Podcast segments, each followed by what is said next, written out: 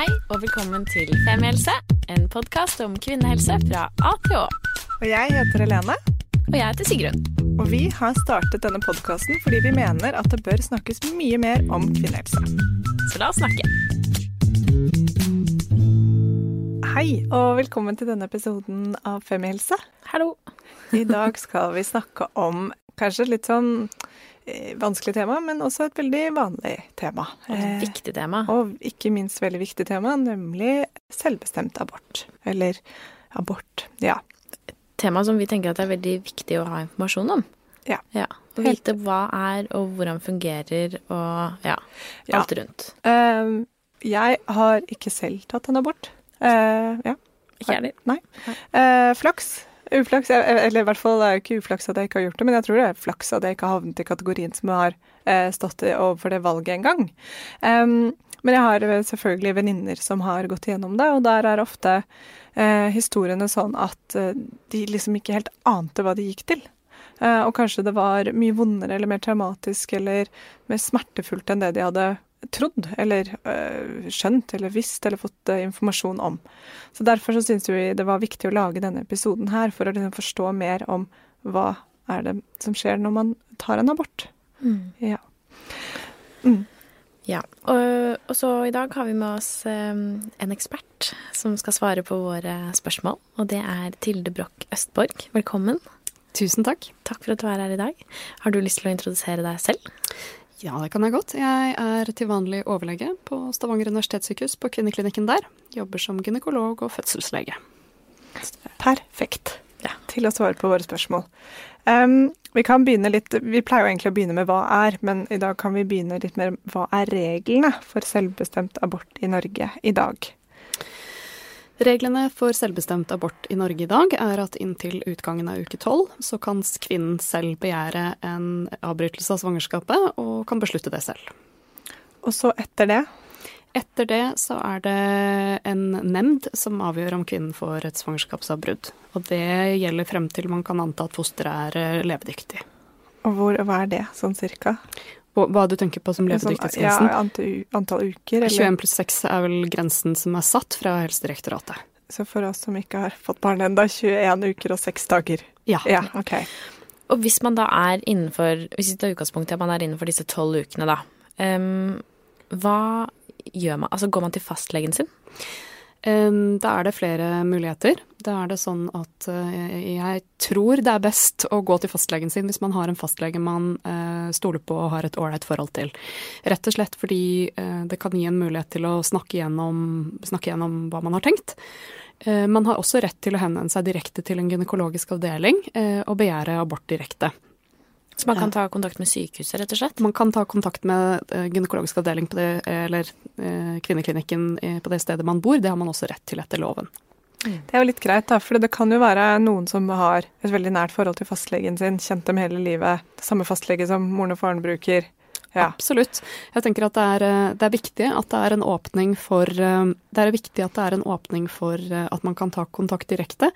Og samtidig så um, tror jeg at mange har behov for å snakke gjennom avgjørelsen eh, før de kommer til, eh, til kvinneklinikken. Da. Det er klart at på den konsultasjonen der så vil man også snakke gjennom hvorvidt man er sikker på avgjørelsen og sånn, men det er nok ikke alltid samme rom for å ha den store eh, for og mot eh, og kvaler-diskusjonen som man kanskje kan ha før, enten med fastlegen eller med Amathea eller med en, eller en venninne, for den saks skyld. Mm.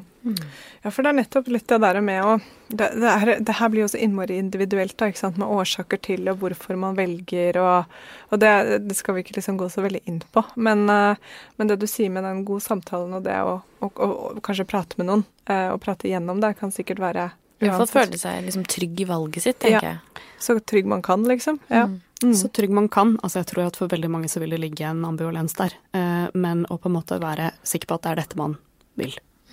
Ja. Ja, og så det fin finnes det forskjellige typer abort hvis man velger på at, eh, eller lander på at det er valget man ønsker å ta? Ja, det gjør det. Du tenker på metode for uh, svangerskapsavbrudd. Ja, det er to hovedmetoder. Um, og frem til uh, en gang på 2000-tallet så var det kirurgisk abort som var hovedmetoden uh, i Norge, og i mange land så er det hovedmetoden fortsatt. Eh, så kom introduksjonen av medikamentell abort, altså abort ved hjelp av medisiner, eh, som har fått en betydelig økt utbredelse. Men det er ganske stor variasjon eh, mellom, fra sykehus til sykehus hva som gjøres mest. Ok, Så det er ikke sånn at f.eks. medikamentell abort er altså fram til så og så mange uker, og så er det kirurgisk? Um, der er det sånn at hvordan skal jeg svare på det på en god måte, da?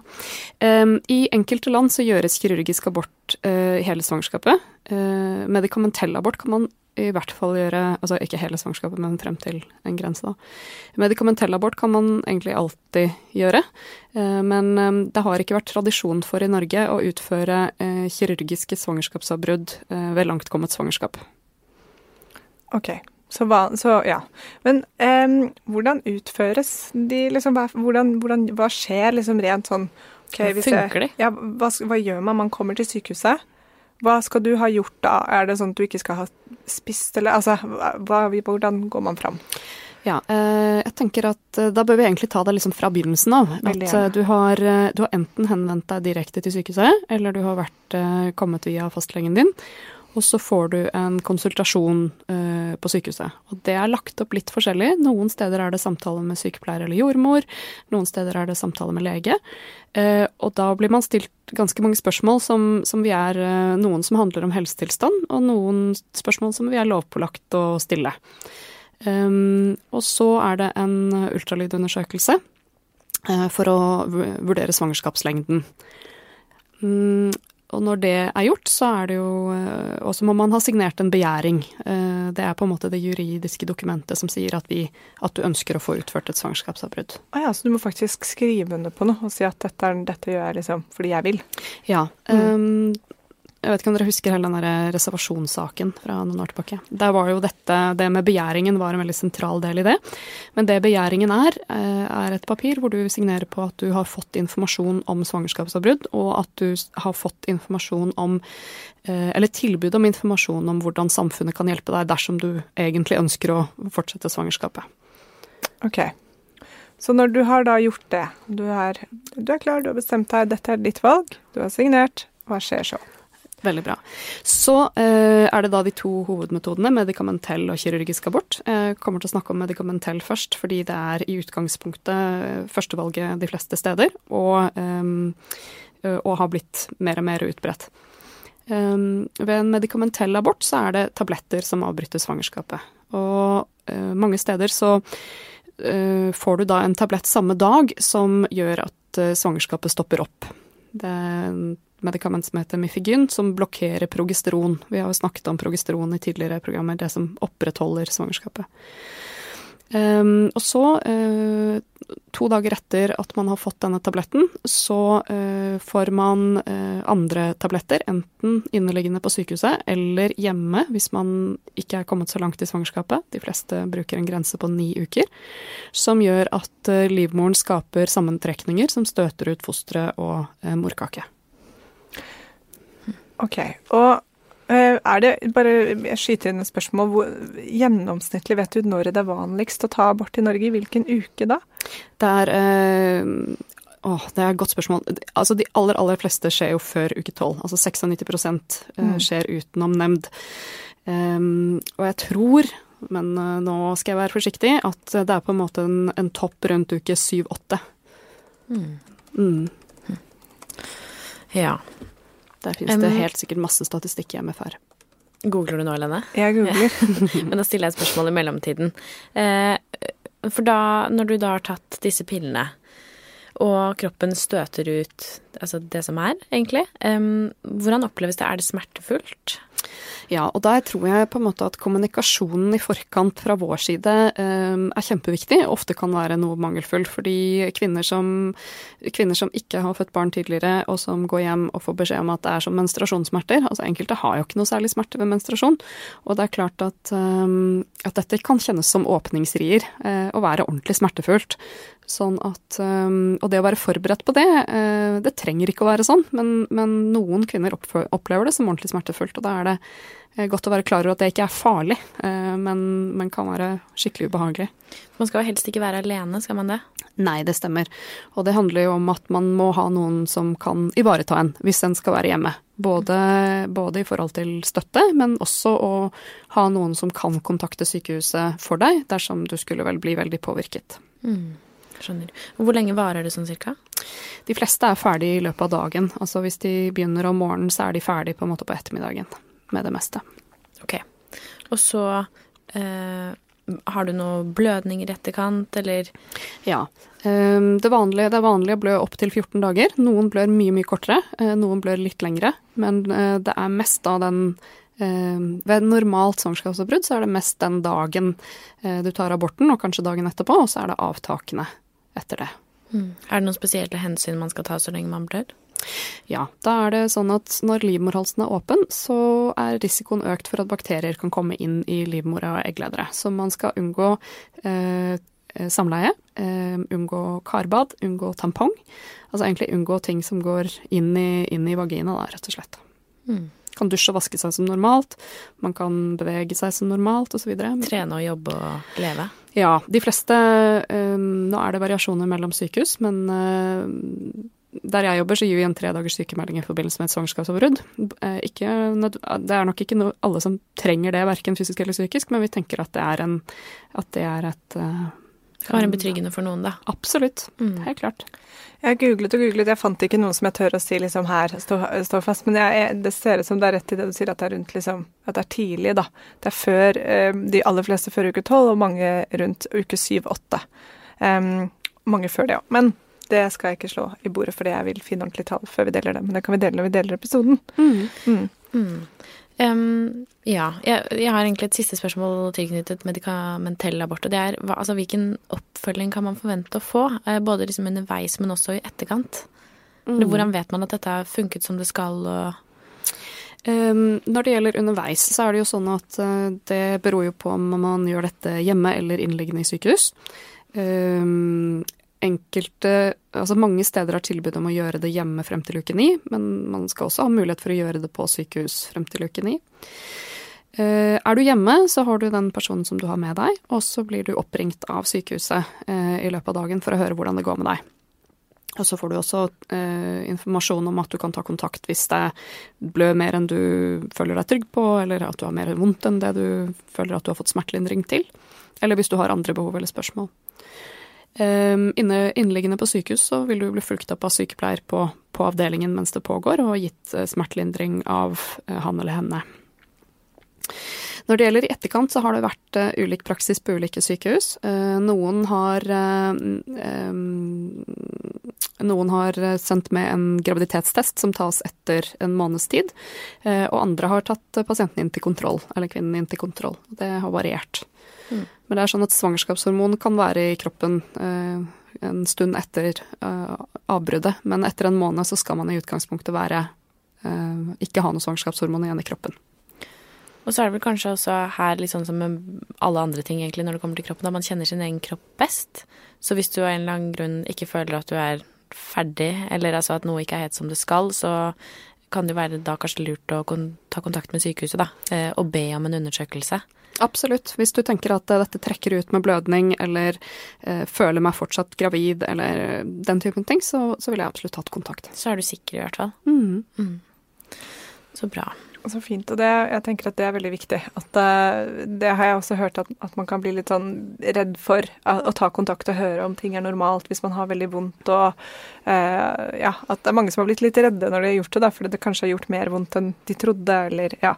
Og da er det kjempefint og viktig å huske at man, det er lov å ringe sykehuset og spørre. og ja. Det er absolutt, uh, absolutt lov. Jeg, vil, jeg tenker at der er det nok både en jobb å gjøre på informasjonssiden, men også en um, viktig å ta kontakt hvis man føler at dette er ikke, dette er ikke noe jeg Dette opplever jeg ikke som ok. Mm. Mm. Det er bra.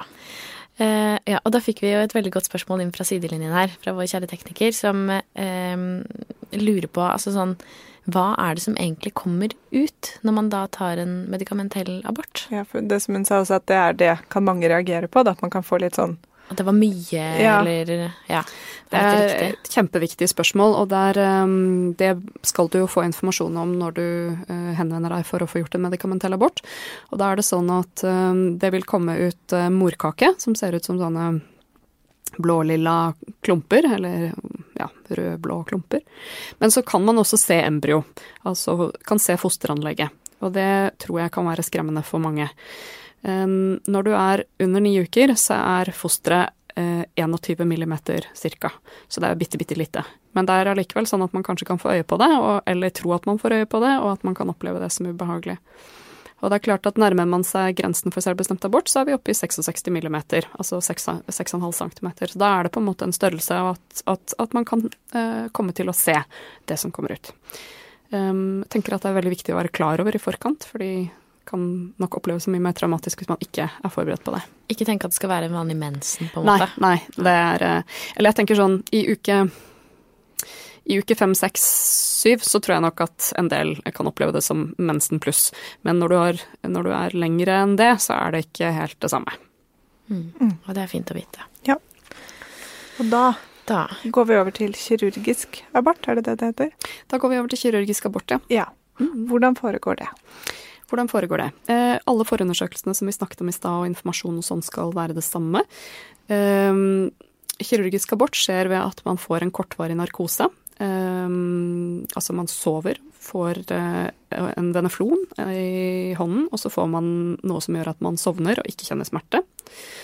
Og mens man da sover, så gjør gynekologen, eller den som Ja, det vil jo alltid være en gynekolog, egentlig, en, uh, en utskrapning. Det vil si at man uh, utvider livmorhalsen, og så skraper man ut det innholdet som er inni livmoren, i dette tilfellet altså fosteret og, foster og morkake.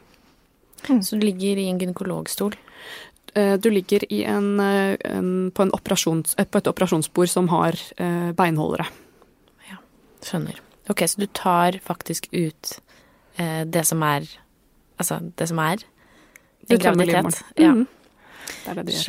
Og så våkner du opp, og da føler man seg Det er veldig varierende. Eh, Det er ikke så veldig mange som har spesielt vondt. Eh, Du kan ha menssmøringer og sånn, men, eh, men det er sjelden at man har noe sånn veldig vondt idet man våkner. Eh, Man får en type smertelindring eh, i forbindelse med narkosen som gjør at eh, man er ganske trøtt. Trøtt og smertelindra når man våkner fra inngrepet. Eh, Og så trilles man jo da inn på en oppvåkningsavdeling hvor man blir en liten stund, og så opp til avdelingen, og så hjem. Mm. Mm. Er det samme med blødninger i etterkant av en kirurgisk abort? Nei, eh, kirurgiske aborter blør eh, som hovedregel en god del mindre. Fordi eh, med en medikamentell abort så kommer, eh, kommer blødningen litt og litt, mens med en kirurgisk abort så har vi jo tømt livmoren, sånn at det er ofte lite igjen. Det er også det som vi bruker som behandling dersom eh, man skulle ha mye blødninger i forbindelse med, med en medikamentell abort. Ja, for da kanskje man må inn på en utskrapning, hvis den ikke er helt liksom sluttført eller vellykket, eller hva, hva slags ord man skal bruke. Så må man kanskje inn og få litt hjelp. Ja, Ja. det er, eh, der er det veldig store variasjoner fra fylke til fylke. eh, Men eh, noen så litt som én av 50, og noen har flere som må inn og ha en utskrapning. Da. Eh, Det som er på en måte Det som jeg tenker er viktig, er at eh, det må være et fokus på brukermedvirkning inn i dette. At du skal i utgangspunktet, eh, etter å ha fått eh, god informasjon og veiledning, kunne innvirke på hvilken metode dette gjøres ved. Og da er det nok mange som kan tenke at de vil ha en kirurgisk abort, fordi da, de, da sover de og merker lite og sånn. Og så er det andre som er livredde for narkose og, eh, og kirurgiske komplikasjoner. Altså eh, at vi, kan, vi kan noen ganger stikke hull i livmoren i forbindelse med inngrepet. Som mye mer heller vil ha en medisinsk abort. Men det er, eh, det er jo på en måte i i pasient- og brukerrettighetsloven så står det jo at man har rett til å, rett til å Velge selv, eller? Velge selv, Ja. egentlig. Mm. Eller i hvert fall medvirke inn i en, en beslutning. Mm. Eh, nå kan det være at noen har eh, sterke Eller at det er sterke medisinske grunner til å ikke gjøre det ene eller det andre. Eh, og da eh, vil man jo sterkt tilråde det som er mest hensiktsmessig, da. Men bare nå siden du nevnte det, altså er det stor sjanse for at en kirurgisk abort eh, får alvorlige komplikasjoner? I utgangspunktet nei. Eh, komplikasjonsrisikoen med begge deler er veldig, veldig lav. Eh, men det er klart at eh, med et stort antall inngrep så vil man alltid ha noen eh, som får enten komplikasjoner av narkosen eller komplikasjoner av en, perfor en perforasjon. Men igjen, sjeldne, sjeldne ting. Gjort på et sykehus med kompetent personell, så har begge deler veldig lav risiko og svært lav risiko for å ha noen konsekvens for fremtidig fruktbarhet. Ja, for det er jo kanskje det siste vi lurer på? Ja, nettopp det med hva det gjør, kan eventuelt gjøre med fertiliteten din. Nå er det da liksom, Har det noe å si om du har tatt én eller tre aborter, eller Jeg føler det er litt en myte. Ja, er det det? Mm. Når det gjelder medikamentelle aborter, så er de eh, i praksis likestilt med spontanaborter eh, og har eh, liten innvirkning. Når det gjelder kirurgiske aborter, så, så fantes det i hvert fall én studie som viste at man hadde noe økt risiko for prematur fødsel. Altså fordi man hadde på en måte eh, manipulert med livmorhalsen. Men en nyere studie viste ingen effekt på, på påfølgende graviditet. Så det er i hvert fall noen, ikke noen stor eh, Det er ikke noen stor effekt man kan snakke om uansett. Det er det ikke. Det er jo veldig fint å vite, da. Ja, sånn at det liksom går ikke inn og ødelegger noe sånn miljø i livmoren eller gjør noe med eggløsning og sånne ting, ikke sant? Nei. Fremtidige sjanser for å få barn. Ja. Nei. Hvis man vil ha det. Hvis man vil ha det. Mm. Så fint. Ja, så bra. Er det noe du vil legge til, eller har vi eh, Litt sånn Jeg tenker litt Det vil man jo i utgangspunktet få informasjon om når man, eh, når man er der også, men det er um, at man skal ta kontakt med sykehuset dersom man får eh, kraftige blødninger i etterkant av enten en medikamentell eller en kirurgisk abort. At man skal kontakte sykehuset hvis man får høy feber eller økende magesmerter, eller hvis man føler seg syk i etterkant, så skal man kontakte sykehus. Også kanskje at um, noen for noen så er det å på en måte være gjennom abortinngrepet er en lettelse. Altså man er på en måte bare åh, man er så ferdig. Mens for andre så har det vært en ambivalens inn i det, eller at man ikke helt har kjent på det i forkant. Og da er det viktig å vite at det finnes mulighet for ettersamtaler. Eh, Amathea tilbyr ettersamtaler, og der er det jo igjen også eh, annet nettverk som man føler seg trygg på, som man kan snakke med. Mm. Det er veldig fint. Ja, det er fint å vite det. Mm. Mm. Så bra, Tilde. Tusen takk. Skulle bare mangle. Ja. Tusen takk for hjelpen. Håper dette var oppklarende, ja. kanskje, ja. Uh, for dere som hørte på. Uh, og som alltid, vi tar gjerne imot tilbakemeldinger. Um, ja. ja Håper dere syns dette var fint. Ja, send oss gjerne en melding på Instagram. Takk for at du hørte på. Tusen takk. Takk. Ha det. Ha det. Ha det. Tusen takk for at du hørte på podkasten vår. Selv om det forhåpentligvis kommer tydelig frem, så vil vi understreke at vi ikke er helsepersonell. Ja, så som vanlig, kontakt legen din om du har noen spørsmål, eller om du skal begynne på noen form for behandling. Og har du et tema som du har lyst til at vi skal snakke om, eller noe ris eller ros, så send oss gjerne en melding på Facebook eller på Instagram. Der finner du oss under Femihelse. Mm. Og du kan gjerne rate oss på iTunes, det er skikkelig hyggelig for oss. Ha en fin dag. Ha en kjempefin dag.